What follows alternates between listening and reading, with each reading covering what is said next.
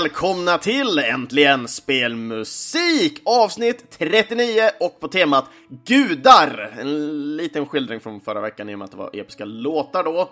Och nu försöker vi fokusera helt enkelt på gudar, eh, det här avsnittet. Eh, och vad för gudalika låtar har vi plockat fram och tror jag? vi har fått två stycken önskelåtar och jag har plockat fram fyra stycken låtar själv. Eh, och ja, vi startade egentligen ganska hårt den här veckan med, med de här gudalåtarna. Så att eh, första låten ut, Actriser, Fillmore, Koyoya, Hashimoto Remix.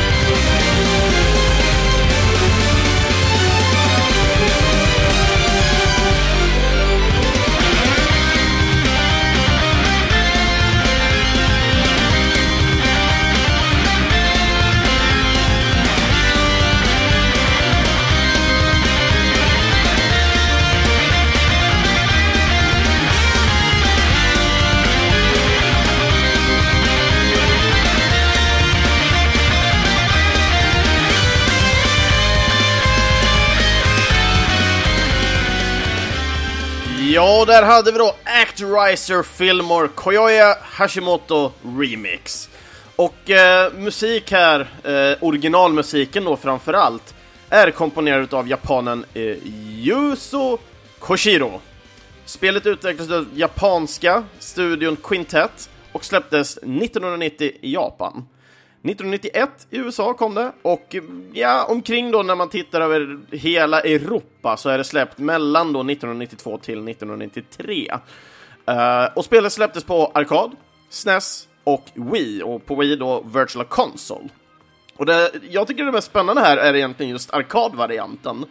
Uh, då just arkadvarianten är släppt exklusivt i USA. Eh, och detta då på grund av Nintendo Super System, som var ett arkadsystem för att visa upp Super Nintendo-spel. Eh, och i denna enhet så fick man helt enkelt köpa credits, precis som en vanlig arkadmaskin, och sedan välja ett spel och sen spela det eh, i en viss tid beroende på hur mycket eh, krediter man helt enkelt köpt då till, till spelet.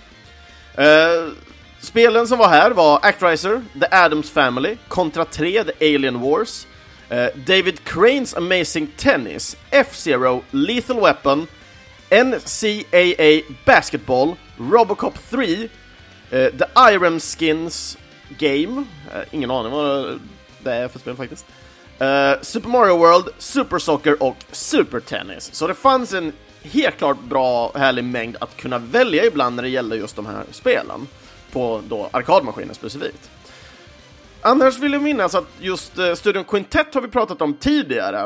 Eh, detta företag skapades i alla fall 1989 eh, och de har goda kontakter med Enix. Eh, sista spelet de gjorde är, eh, oh nu ska vi se om jag säger det här rätt, eh, R. Eh, Tonolico. R. Tonolico. Ja. och den släpptes 2006. Efter detta så har Quintet inte varit aktiva alls. Hemsidan och allt har, lades ner men det är något nytt företag som har kommit upp i Quintets namn. Jag vet inte om de har någon koppling till varandra, för jag hittar ingen information på de källor och de sökningar jag väl gjorde. Men när man väl tittar på i alla fall det nya företaget i alla fall så verkar de arbeta med någon typ av rekrytering mer än just spelutveckling. Uh, men i alla fall, deras kändaste, uh, eh, kändaste rättare sagt, inte kändaste, uh, eh, deras kändaste serie är Soulblazer-serien, men också känd som Gaia-serien. och de spelen, de tre spelen som räknas in här, är Illusion of eh, Gaia, också Time i Europa, då, då Illusion of Time, eh, Soulblazer och Terranigma. Och det finns några roliga kopplingar här emellan de olika spelen. Eh, till exempel i eh, Illusion of Time så kan man eh, samla på sig, för mig kristaller och kan samla på det. Och samlar du på alla så kommer det någon slags här, drömsekvens. Och i den här drömsekvensen så eh, hamnar du på en plats som är enormt jäkla lik något super spacigt ifrån just Soul Blazer. Och det stämmer gör det. För när du väl går igenom just den här grejen som är ganska igenkännlig för man har spelat spelet, så kommer du även här få möta en väldigt igenkännlig boss. Det är nämligen så att eh, bossen i den första världen på Soul Blazer är den som man möter i den här drömsekvensen, eller vad det nu än är för typ av sekvens. Du kommer dit i alla fall.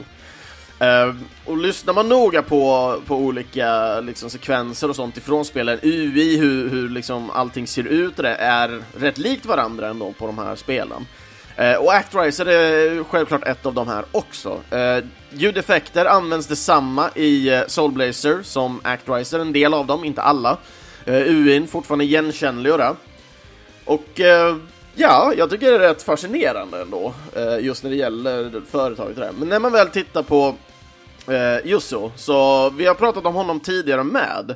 Eh, och detta då för att han har varit med och gjort musik då till Super Smash Bros-spelen, som jag vill minnas att vi har pratat om tidigare.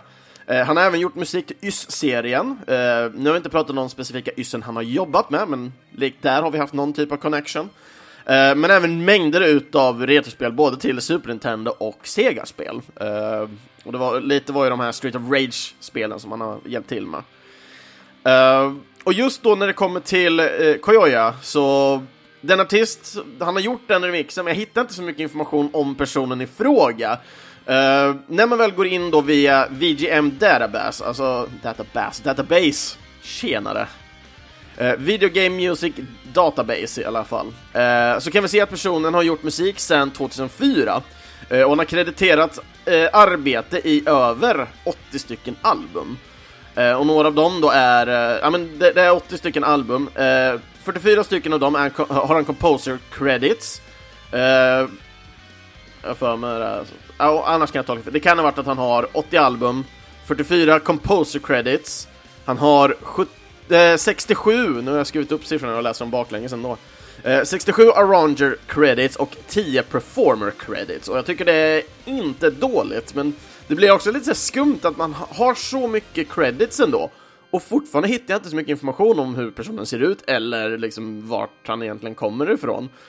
Uh, nu liksom låter ju Kazuyo uh, Hashimoto, eller Koyoya rätt Kazuyo, tjenare, nu börjar jag snacka i nattmössan deluxe här. Uh, Koyoya liksom låter väldigt japanskt i alla fall, uh, så att jag har kört på det.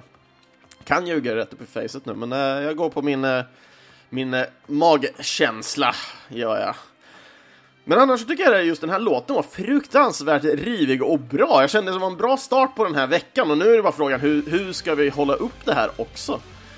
Eh, och när det väl kommer till just den här låten Fillmore specifikt, det är en väldigt känd låt i, i serien. Det är den andra låten, eller ja, det blir den tredje låten som man kommer få höra i serien, eller i spelet rättare sagt.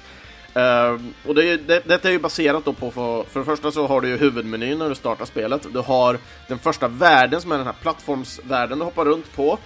Uh, och sen då kommer du till den här Overworld eh, Civilization eh, Populus Eska, eller det, det är mer SimCity skulle jag säga. Uh, byggnationerna där du ska bygga upp din civilisation på den här platsen som du håller på att rädda då. Eh, och till, till din, eh, din karaktär som du spelar mellan de här olika modesen är ju olika då, då. så du spelar ju då den här gudalika eh, karaktären som då är någon typ av Rising God så att säga. I den här 2D-plattformshoppande slagsmål, liksom banorna. Sen har de här top-down, då spelar du en ängel då, den här ängeln är ju med då i det här palatset som man flyger runt och placerar Eh, på de olika världsdelarna för att eh, helt enkelt eh, ta bort alla de, all ondska från världen och bygga upp civilisationerna på världen. Och just då den här ängladelen då, då, den första stället som heter Fillmore, där spelas då den här låten Fillmore helt enkelt på grund av ja, namnet på kontinenten.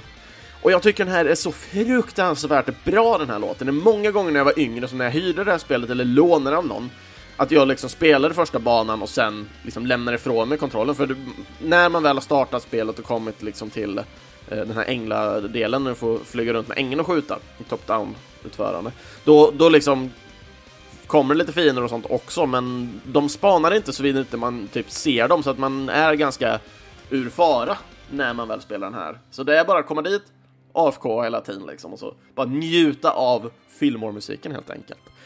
Och jag, jag, när jag satt och liksom sökte gudalåtar så kände jag liksom, ja, men jag vill ha en låt från Actriser. Så Actriser tycker jag har varit ett så fruktansvärt bra spel eh, i min barndom. Dock har jag aldrig klarat det här, för jag tycker det här, det här är pissvårt det här spelet tycker jag. Det finns så mycket gömda grejer i det här spelet och det är... Det, ibland kan det vara ganska oförlåtande, tycker jag. Men jag ska satan mig ge mig på en revansch på det här spelet snart känner jag.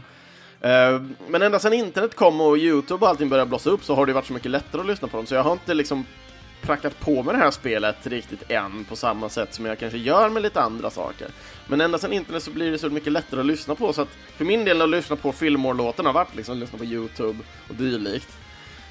Men just, ja, den här rocklåten den var väldigt speciell. För det första att jag gillar rock själv, men också just att det är just Fillmore och den här är, är helt makalös just i utförande och det. Det är rivigt från början till slut. Det kommer en eh, en liten down period liksom där, eh, där det går. Men nu, nu lyssnar vi inte på den den här gången, men de som lyssnar på musiken bakgrunden kommer ju höra den nu då. Eh, men i alla fall när väl, den väl kommer så blir det en liten del och sen driver det av på slutet igen. Jag tycker liksom det var lite lång kanske, men den är fortfarande fruktansvärt bra. Jag har ingenting. Det är bara mitt önskemål att den skulle kommit lite tidigare, men det är liksom, nu är det nästan två minuter, två och en halv, två och fyrtio liksom med rivig jäkla metal hela tiden och det är fruktansvärt bra. Är det. Fruktansvärt. Men nog om Fillmore i alla fall och Actriser som är ett fruktansvärt bra spel. Även om det är oförlåtande ibland. Så då tar vi helt enkelt och lyssnar på Storms of Lust ifrån Dantes Inferno.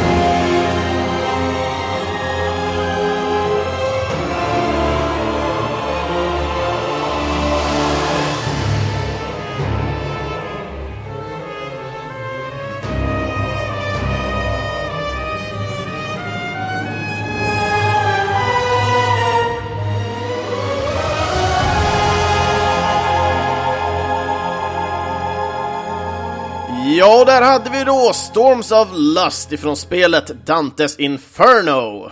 Musik här komponerad ut av amerikanen Gary Scheiman och till hela OST då, då, det original soundtrack, så hade han även hjälp av amerikanen Paul Gorman. Spelet utvecklades utav numera nedlagda Visceral Games, som tyvärr stängde dörrarna den eh, 17 oktober 2017. Eh, spelet i sig dock, Dantes Inferno, släpptes den 5 februari 2010 och kom till plattformar som eh, Playstation 3, Playstation Portable och Xbox 360. Tittar man på Visceral Games här så har det också känts som EA Redwood Shore Studios, som inte jag själv känner till, så jag tyckte det var jättekul att sitta och forska på det här. Eh, och detta var då innan de reformerades under EA-flagg då, då till just att bli då Visceral Games Redwood Shores. Eh, så innan då när de väl skapades så var det EA Redwood Shores Studios, men då reformerades till Visual Games. Och då hade inom parentes Redwood Shores. Eh, detta var då just på grund av att det var flera studios i världen som fick namnet Visual Games. Eh, studios som fanns i Los Angeles, Montreal, eh, Melbourne och Shanghai. Eh, Games-grenarna hjälpte till på flera olika titlar utav EA-spel. Eh, och eh, i flera av fallen då, då när de, de olika studiosen hjälpte till så blev det just huvudstudion Visceral Games Redwood Shore som alltid blev de som blev krediterade till till liksom den. Så även om det var Shanghai som hjälpte till så var det liksom huvudstudion som fick krediteringen. Och tittar man då på kompositörerna här då, så Gary, han började med att göra musik inom eh, eh tv-serier. Eh, där gjorde han musik till eh, serier som Magnum P.I. och The A-Team. Eh, sedan gjorde han musik till filmer eh, och sen efter det då gick vidare eh, efter en förfrågan av en vän till att göra musik till eh, spelet Voyeur. Eh, han gjorde sedan musik även till Voyeur 2, men lämnade sedan då själva videospelsbranschen. Eh, eller videospelsmusiksbranschen rättare sagt. Eh, och detta var då för att eh, fortsätta med musik till filmer och tv-serier. Och detta var då för att han kände att kvaliteten och budgeterna var, räckte liksom aldrig riktigt till i det läget som då det, det utgav sig för att vara vid det tillfället. Uh, och, men sen då till 2005 så kom han tillbaka till spelmusiken uh, då han gjorde musik till spelet Destroy All Humans. Uh, efter det så har han jobbat från och till med musik till olika spel, men även då till tv-serier och, och eh, filmer. Eh, och det senaste spelet som han jobbade på var Middle Earth Shadow of War.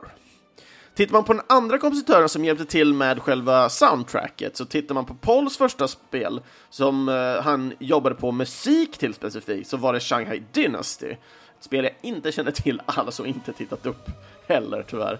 Eh, men innan det så var han eh, inblandad till musiken annars till Flashback. Eh, det här spelet som släpptes till alla möjliga. Det har ju undertiteln också The Quest for Identity som jag inte känner till heller. Jag känner bara till det här spelet som just Flashback. Men där i alla fall till det spelet så jobbar han med musikkonvertering och då gjorde han det specifikt till Mac-versionen då. han har gjort musik till mängder av spel. han har gjort även... Äh, Ja, men rättare sagt, han är en av dem som jobbade liksom på musik till spel där den här studion, just Visual Games då, eh, jobbade med flera av EOS studios. Uh, till exempel så har han jobbat med musik till Battlefield 3, Battlefield 4 och uh, Battlefield Hardline. Eh, och det jag gillar verkligen här är ju att han jobbar och arbetar även med eh, ljuddesign rättare sagt till Baldur's Gate Dark Alliance. Eh, det här spelet jag spelade tillsammans med min flickvän. Jag tyckte det var ett fruktansvärt kul co-op-spel faktiskt. om än det kanske varit lite styltigt med vissa grejer, men ja, det var, det var speciellt i alla fall. Men jag, jag tyckte det var rätt kul liksom att när man väl börjar liksom researcha många av kompositörer och sånt så brukar man alltid toucha liksom någonting som eh, känns väldigt oväntat. I mitt fall så känns ju egentligen ganska mycket väldigt oväntat på grund av att öppna upp den här musikvärlden och vilka kompositörerna är, är egentligen väldigt nytt för mig egentligen. Eftersom jag som ni kanske har förstått så är jag inte jättebevandrad i liksom allas namn och allting, så just den här researchen som jag sitter och lägger ner till varje avsnitt är fruktansvärt rolig att göra.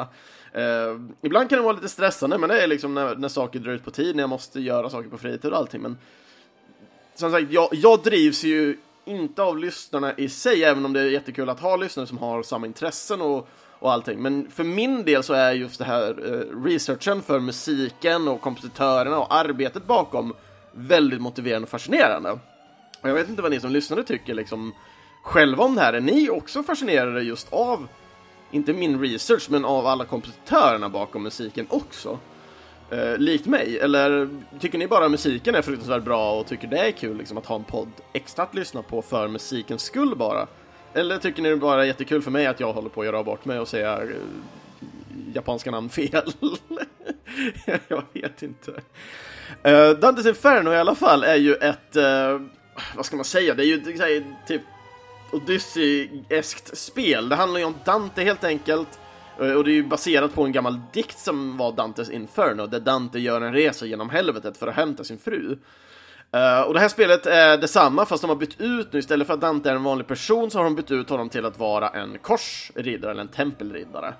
Uh, som har varit på korståg och gjort mycket saker som han kanske ångrar. Uh, Lucifer har fortfarande tagit hans fru, Beatrice som jag vill minnas att hon hette. Och han, han reser ner till helvetet och ska vandra igenom då helvetets de här Seven Deadly Sins-eska, det är väl nio Circles of Hell tror jag totalt. Eh, men han vandrar igenom då de här sju delarna som vi egentligen känner igen. Lust, Greed, Gluttony. Eh, och alla de här områdena försöker spegla då en, eh, en, en viss del utav de här. Och jag tycker de gör det här, det här spelet väldigt bra. Det här är ju väldigt God of War-eskt spel, liksom. Det är ett hack and slash, slakta av allting. Och jag, jag gillar verkligen spelet på, på många olika plan, gjorde jag. Även om det är liksom väldigt linjärt för, för att kanske vara superintressant på det här. Men storyn och, och actionen var riktigt nice ändå. Och just Dante, att han får ha en eh, sån här lie som vapen tycker jag är fruktansvärt coolt.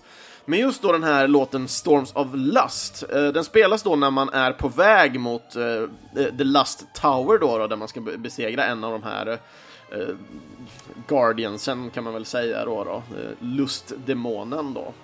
Eh, en gigantisk kvinna med typ, eh, ja men hon är en naken kvinna då, så hon har ju hål i sina nipples där det, liksom demoner och andra äckliga, jobbiga saker kommer ut av det. Hon, hon är faktiskt lite spooky då, och just för det här segmentet i tornet så åker man upp på en typ plattform, så det är bara en, en jobbig arena slagsmålsgrej liksom tillsammans med den här bossen, men allt gör så bra tillsammans i alla fall.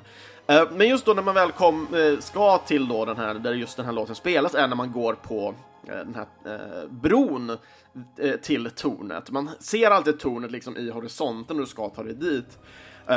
Och just den här låten då, då, så Storms of Lust har ju då med att det är en stor storm som, som omfamnar, kan man väl säga, hela det här tornet. Och det, det, är liksom Dantes uppgift att han ska ta sig in i det här och besegra den här Guardianen helt enkelt.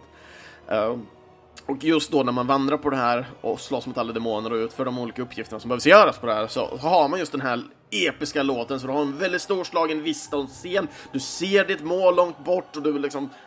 Du måste bara ta dig igenom all jävla skit som liksom är på vägen dit liksom. Och det, man får kämpa som satan. Uh, och för det, det, som jag gillar verkligen med, med Dantes Inferno är att det är ju lite RPG-aktigt. Du har ju ett talent tree så du kan välja att vara ond eller god i det här talent treet. Där eh, ond då fokuserar man mycket mer på lien och, och, och slagsmål och du tar livet av dem du, du, du dödar helt enkelt. Medan det goda är mer liksom att jag för mig det var någon range-attack, nu kommer jag inte ihåg exakt vad det var, men du har mycket mer så här liv, armor, odödlighet och sådana saker på den goda sidan. Och, ja, men jag gillar verkligen den här balansen. Jag själv gillar att köra den onda för jag tyckte det var så jäkla fräckt att köra med just den här lien. Eh, men liksom hela balansen över, över det hela tyckte jag ändå var rätt trevligt och intressant. Och just den här låten är ju sjukt jäkla episkt. Jag, jag gillar ju lite så här när man har kör inne i det och man har just den här skrikande, eller ja, skrikande är det ju inte, men hymnen som går i bakgrunden. Jag tycker det är fruktansvärt eh, mäktigt på något sätt. Och eh, hur, själva guddelen här kommer ju in sig av att egentligen eh, Dante tar sig an allt det här liksom. Han försöker liksom ge sin tro till Gud liksom och känner själv liksom att Gud har på något sätt övergivit honom. Och det, det är en sak som går igenom det här. Eh, Dante håller ju på att, eh, ska man säga, lägga skuld på sig själv. Och detta har han gjort då genom att han har sytt dit då en av de här eh, röda banderollerna, eller man ska säga, som han hade ute i kriget, har han sytt in i sig själv, så han har ju som ett, ett stort kors gåendes över hela bröstet och magen. Eh, och det här är no, liksom de här eh, flaggdelarna liksom, de flyger runt omkring honom också hela tiden, så det, det blir så stilistiskt eh, sagt liksom, och det, det, är väldigt djupt det här spelet i de här cinematiska scenerna, när, när man får gå igenom allting, kanske inte allting, men mycket av vad Dante själv har gått igenom. Eh, och sen och självklart så ska han ju gå till motparten och hämta sin fru då från eh, honom då. Och det hela börjar väl att det blir någon slags betalning för att jag för mig Dante överlevde eller någonting, att, eh, att Lucifer plockar hans fru. Och Dantes enda liksom, är, motivation är att han måste ha tillbaka sin fru som han älskar så. Han kan liksom inte leva utan henne. Så där har vi liksom den här gudatouchen i just den här låten i alla fall. Och eh, näst här så har vi fått, eh, som sagt, jag hade två önskelåtar, så vi, jag ska ta och köra den ena nu. Och eh, den kommer från Retro Sheriff och eh, han gör återigen en väldigt liten men väldigt mäktig kommentar. En episk gud! Well, that's what he thinks. Önskas. Och sen hade han skickat länken och så hade han en sån här winky face. Och eh, låten vi ska höra på som Retro Sheriff har önskat är eh, Joanna Lee med Birth of a God.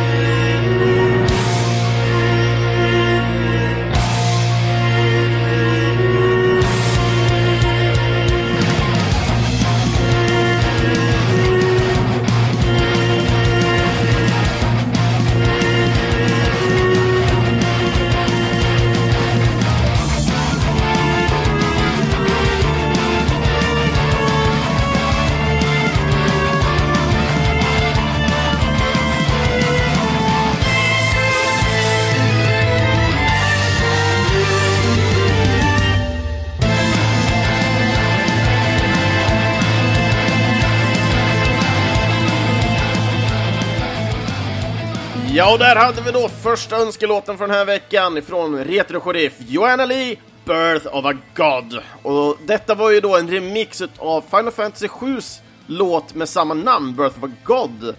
Och eh, personerna bakom låten är amerikanen Joanna Lee som spelade fiol, eh, Daniel Engel som spelade synt och sist men inte minst Jonathan Parecki som arbetar med arrangemang, gitarrer, bas, programmering och musik, eller mixning, musik, ja det är klart han sysslar med musik.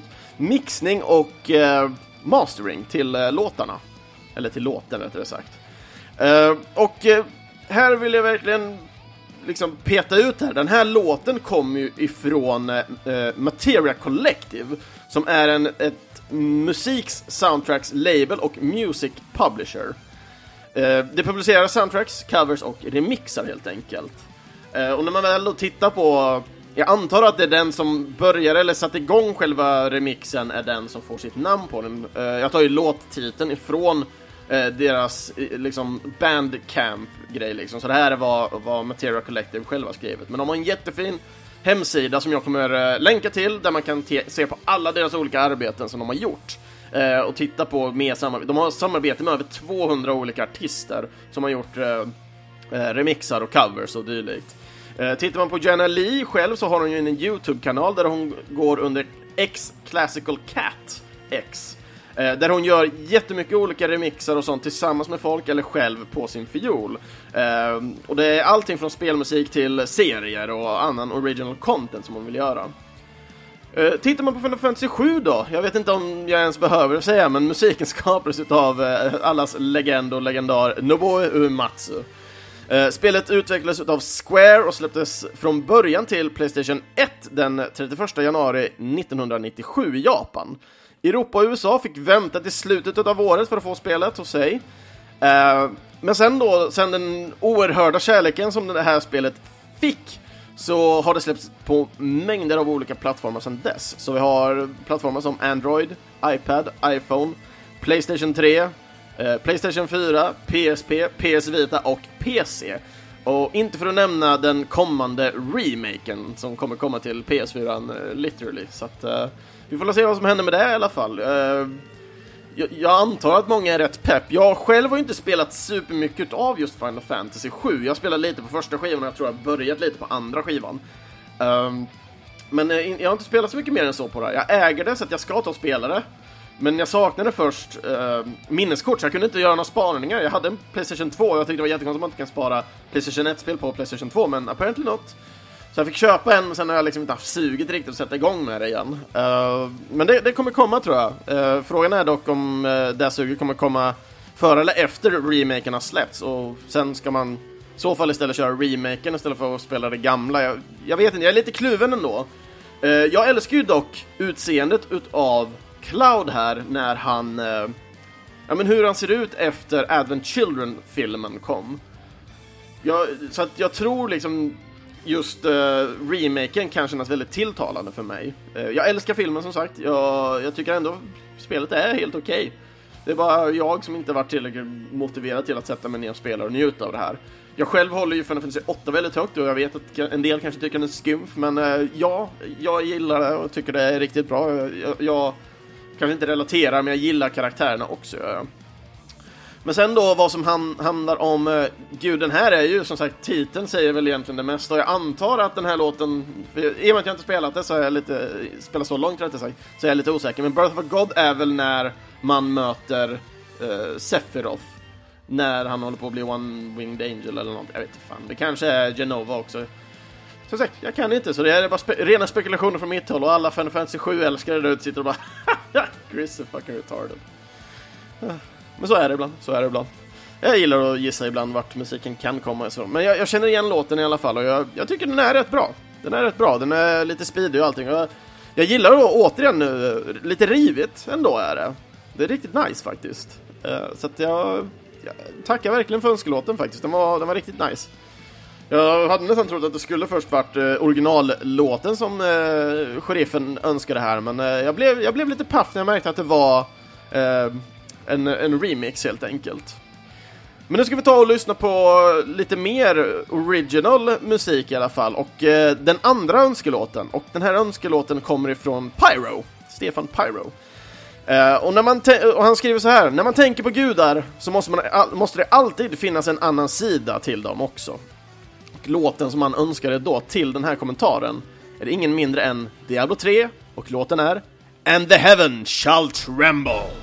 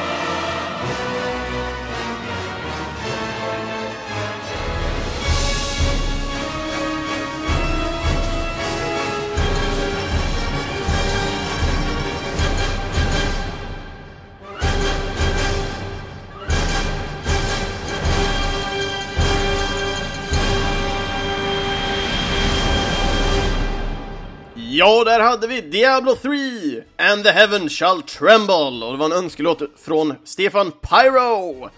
Och eh, ja, låten är komponerad av Russell Brower och eh, Matt Ullman. Och eh, mer än så kommer jag faktiskt inte säga om det här den här gången. Och eh, tolka det som en liten teaser eller någonting annat. Men det är ett stort tack i alla fall till Pyro eh, för önskelåten i alla fall. Och eh, ja, för att följa ut då egentligen här i epiteten det kan jag bara göra på det, mest roliga sätt jag kommer på. För jag, jag vet, jag, som sagt, hur slår man en riktigt episk Diablo 3-låt egentligen? Ja, ja, det är väldigt svårt. Men eh, jag gör det på det sätt jag kan bäst, och det är via humor. Och spelet som låten kommer ifrån är Black and White, och låten heter Sjömannavisan. Oh, vi har fått för oss att segla dit vinden kör oss och att bygga en skuta, det blev vårt beslut. Vi har ingen lust att sjunka så båten den måste funka Men vi byggde för sol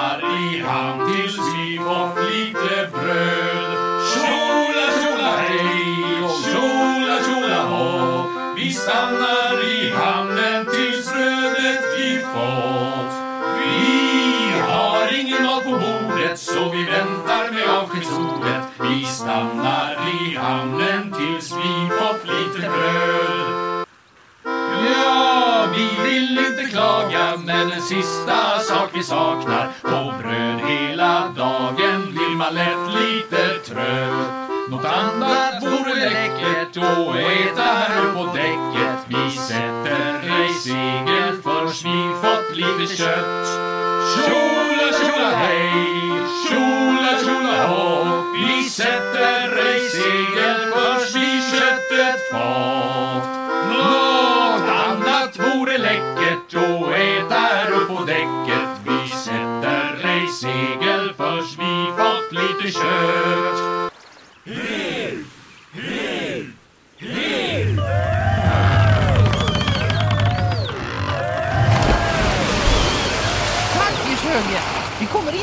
Glömma bort dig. Ja, och glömma bort mig, det hoppas jag inte att ni gör.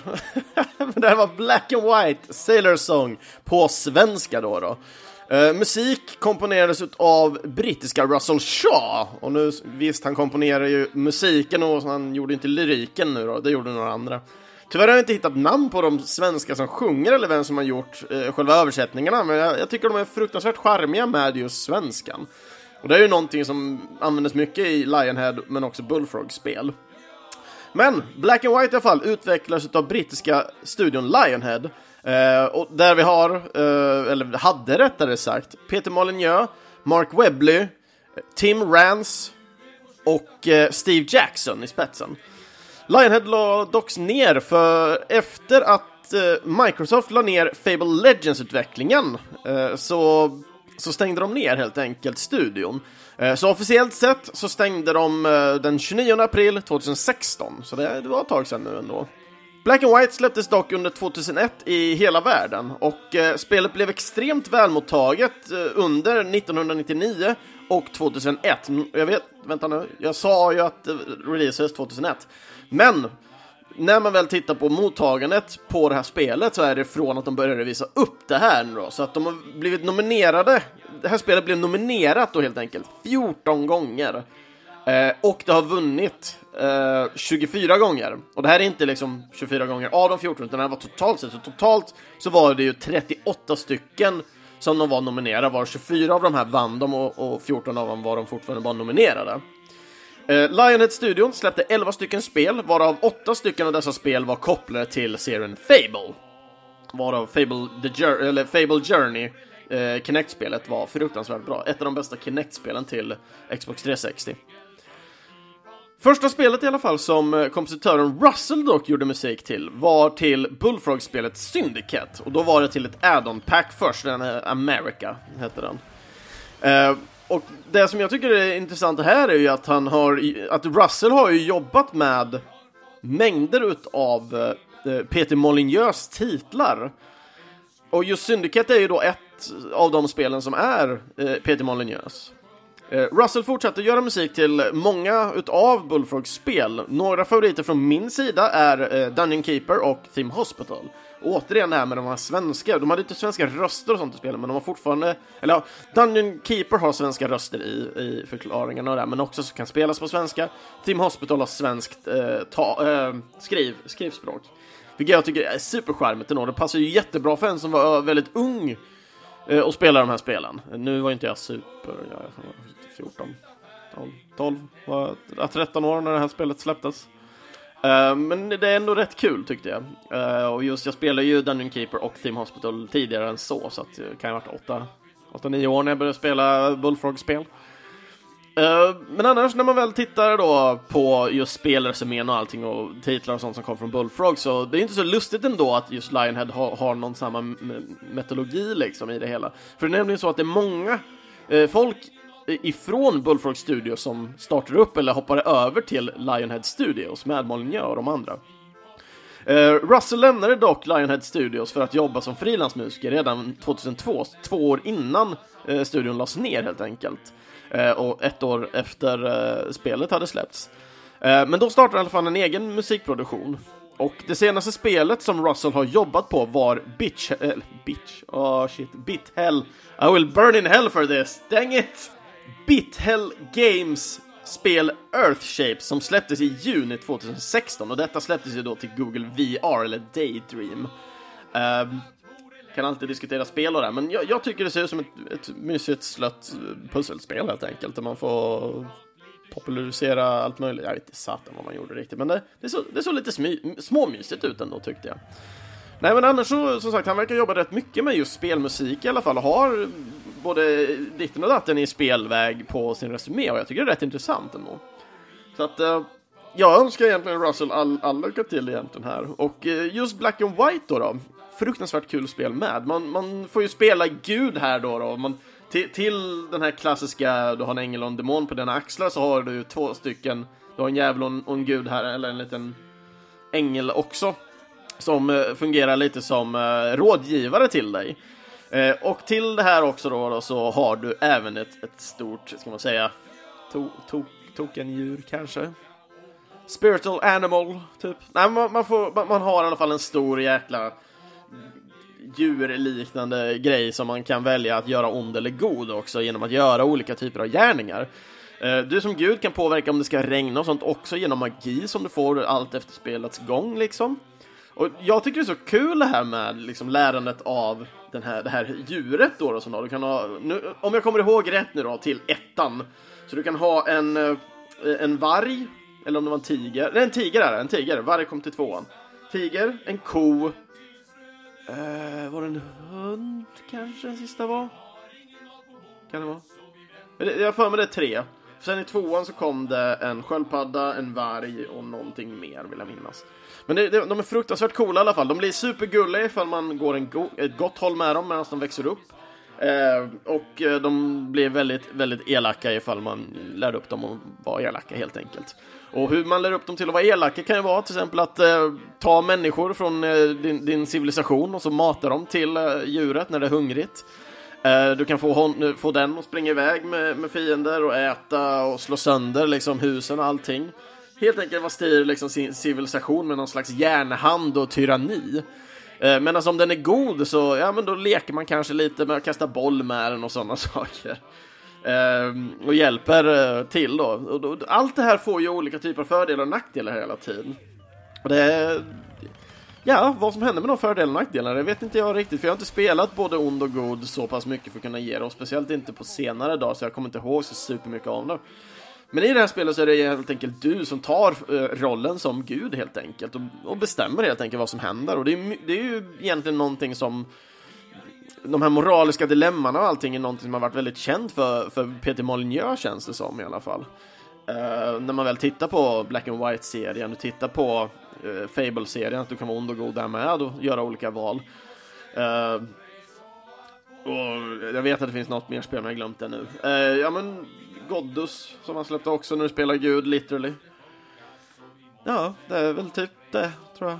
Ja, kom inte på mer. Jag vet inte. Men det är fruktansvärt nice och just den här eh, Sailor Song-låten eh, är fruktansvärt trevlig och trallevänlig på något sätt.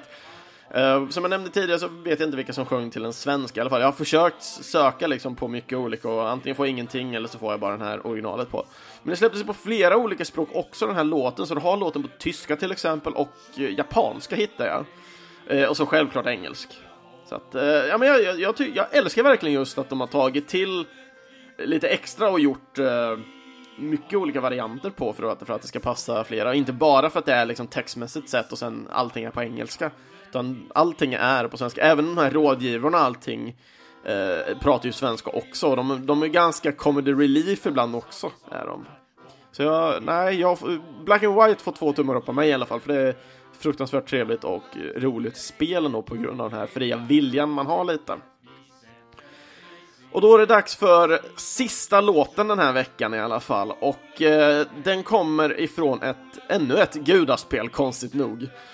Det är jättekonstigt när man har ett tema gudar. Låten kommer i alla fall från Smite och låten heter Slavic Lobby Theme.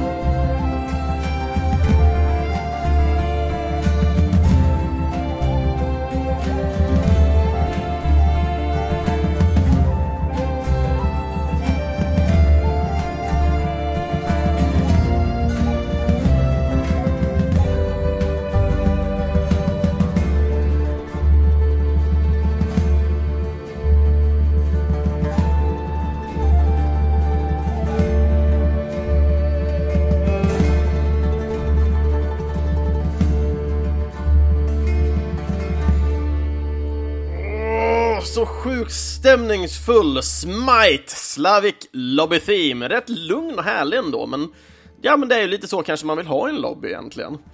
Uh, och här är musik komponerat av amerikanen Chris Rickwood. Uh, spelet utvecklas av den amerikanska studion High Res Studios och släpptes officiellt sett då, då eftersom det här spelet är ett Moba-aktigt spel. Det har varit eh, Early Access, det har varit eh, uh, Close Beta, Open Beta och gud vet allt. Men spelet släpptes officiellt den 25 mars 2014 till PC. Uh, eh, den 19 augusti så släpps det även till Xbox One och den 31 maj 2016 så släpptes spelet även till Playstation 4. Och just den här Slavic Lobby-låten eh, användes första gången vid releasen av hjälten Chernobog Eh, den 15 maj 2018, så den här låten är eh, rätt så färsk och ny, får man ju minst sagt säga. Eh, tittar man då på kompositören här, Chris, så jobbar han som frilansmusiker och har gjort musik till många olika spel. Uh, första spelet som han gjorde musik till var Evil Dead Hail to the King som släpptes 2000. Uh, eh, det andra spelet som uh, fångar min uppmärksamhet i alla fall är nämligen Maximo och Maximo är ju känt som Maximo Ghosts to, Ghosts to Glory i USA och Japan.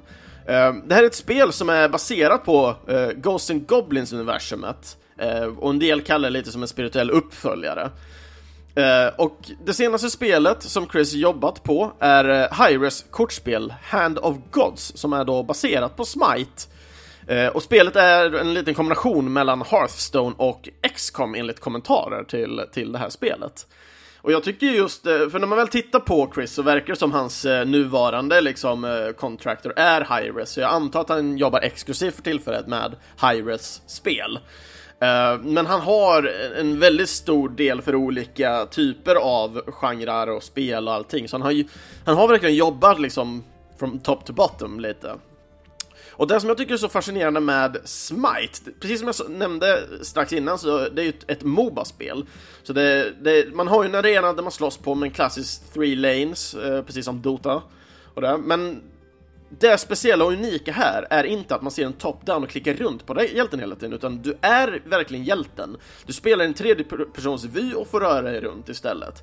Eh, och alla de spelbara karaktärerna är eh, ka eh, liksom karaktärer ifrån eh, olika kulturer och eh, historier och sånt som har en gudalik liksom, eller eh, något gudalikt gudalik epitet, ska jag nog säga. Så att man har Zeus och du har eh, eh, uh, uh, Ares och jag, jag, kommer inte ihåg alla gudarna ens en gång. Jag, jag, har ju spelat det här spelet rätt länge ändå, men nu har jag inte spelat det på ett bra jävla tag så därför försvinner alla gudar liksom. Men det finns liksom olika eh, typer av karaktärer. Du har ju Cupid till exempel, den här grekiska kärleksängeln liksom. Eh, alla tar ju sina olika typer av, eh, delar liksom, och de plockar verkligen från alla typer av kultur och allting, så det finns små monster och sånt som jagar ens drömmar och, sånt. Och du kan läsa på eh, även då Lauren bakom dem, så det är inte så att de bara hittar på allting heller, utan karaktären, hur det ser ut, hittar de väl på lite för att göra något liknande och det här, men själva liksom lore, grund-Lauren, vart den kommer ifrån och hur, hur den är hos det riktiga folket stämmer fortfarande överens. Eh, så jag, jag, älskar verkligen liksom hur man blandar lite så nytta med nöje. Man, man, har nöjet av att spela ett Moba-spel som är väldigt unikt och, och kul, eh, men du har nyttan med att liksom det är, ska man säga, kulturellt korrekt, skulle jag väl säga. Jag höll på att säga något helt annat, men kulturellt korrekt tror jag är den bästa förklaringen i alla fall.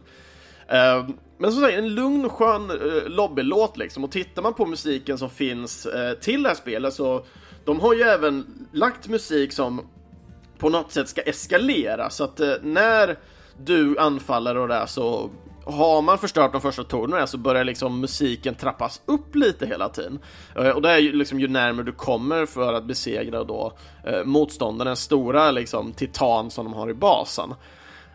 Och jag, jag, jag gillar verkligen liksom konceptet och allting och just musiken med upptrappning och allting känner jag inte själv till. Jag spelar spelen men lyssnar antingen så att man snackar med folk eller så lyssnar man på egen musik oftast.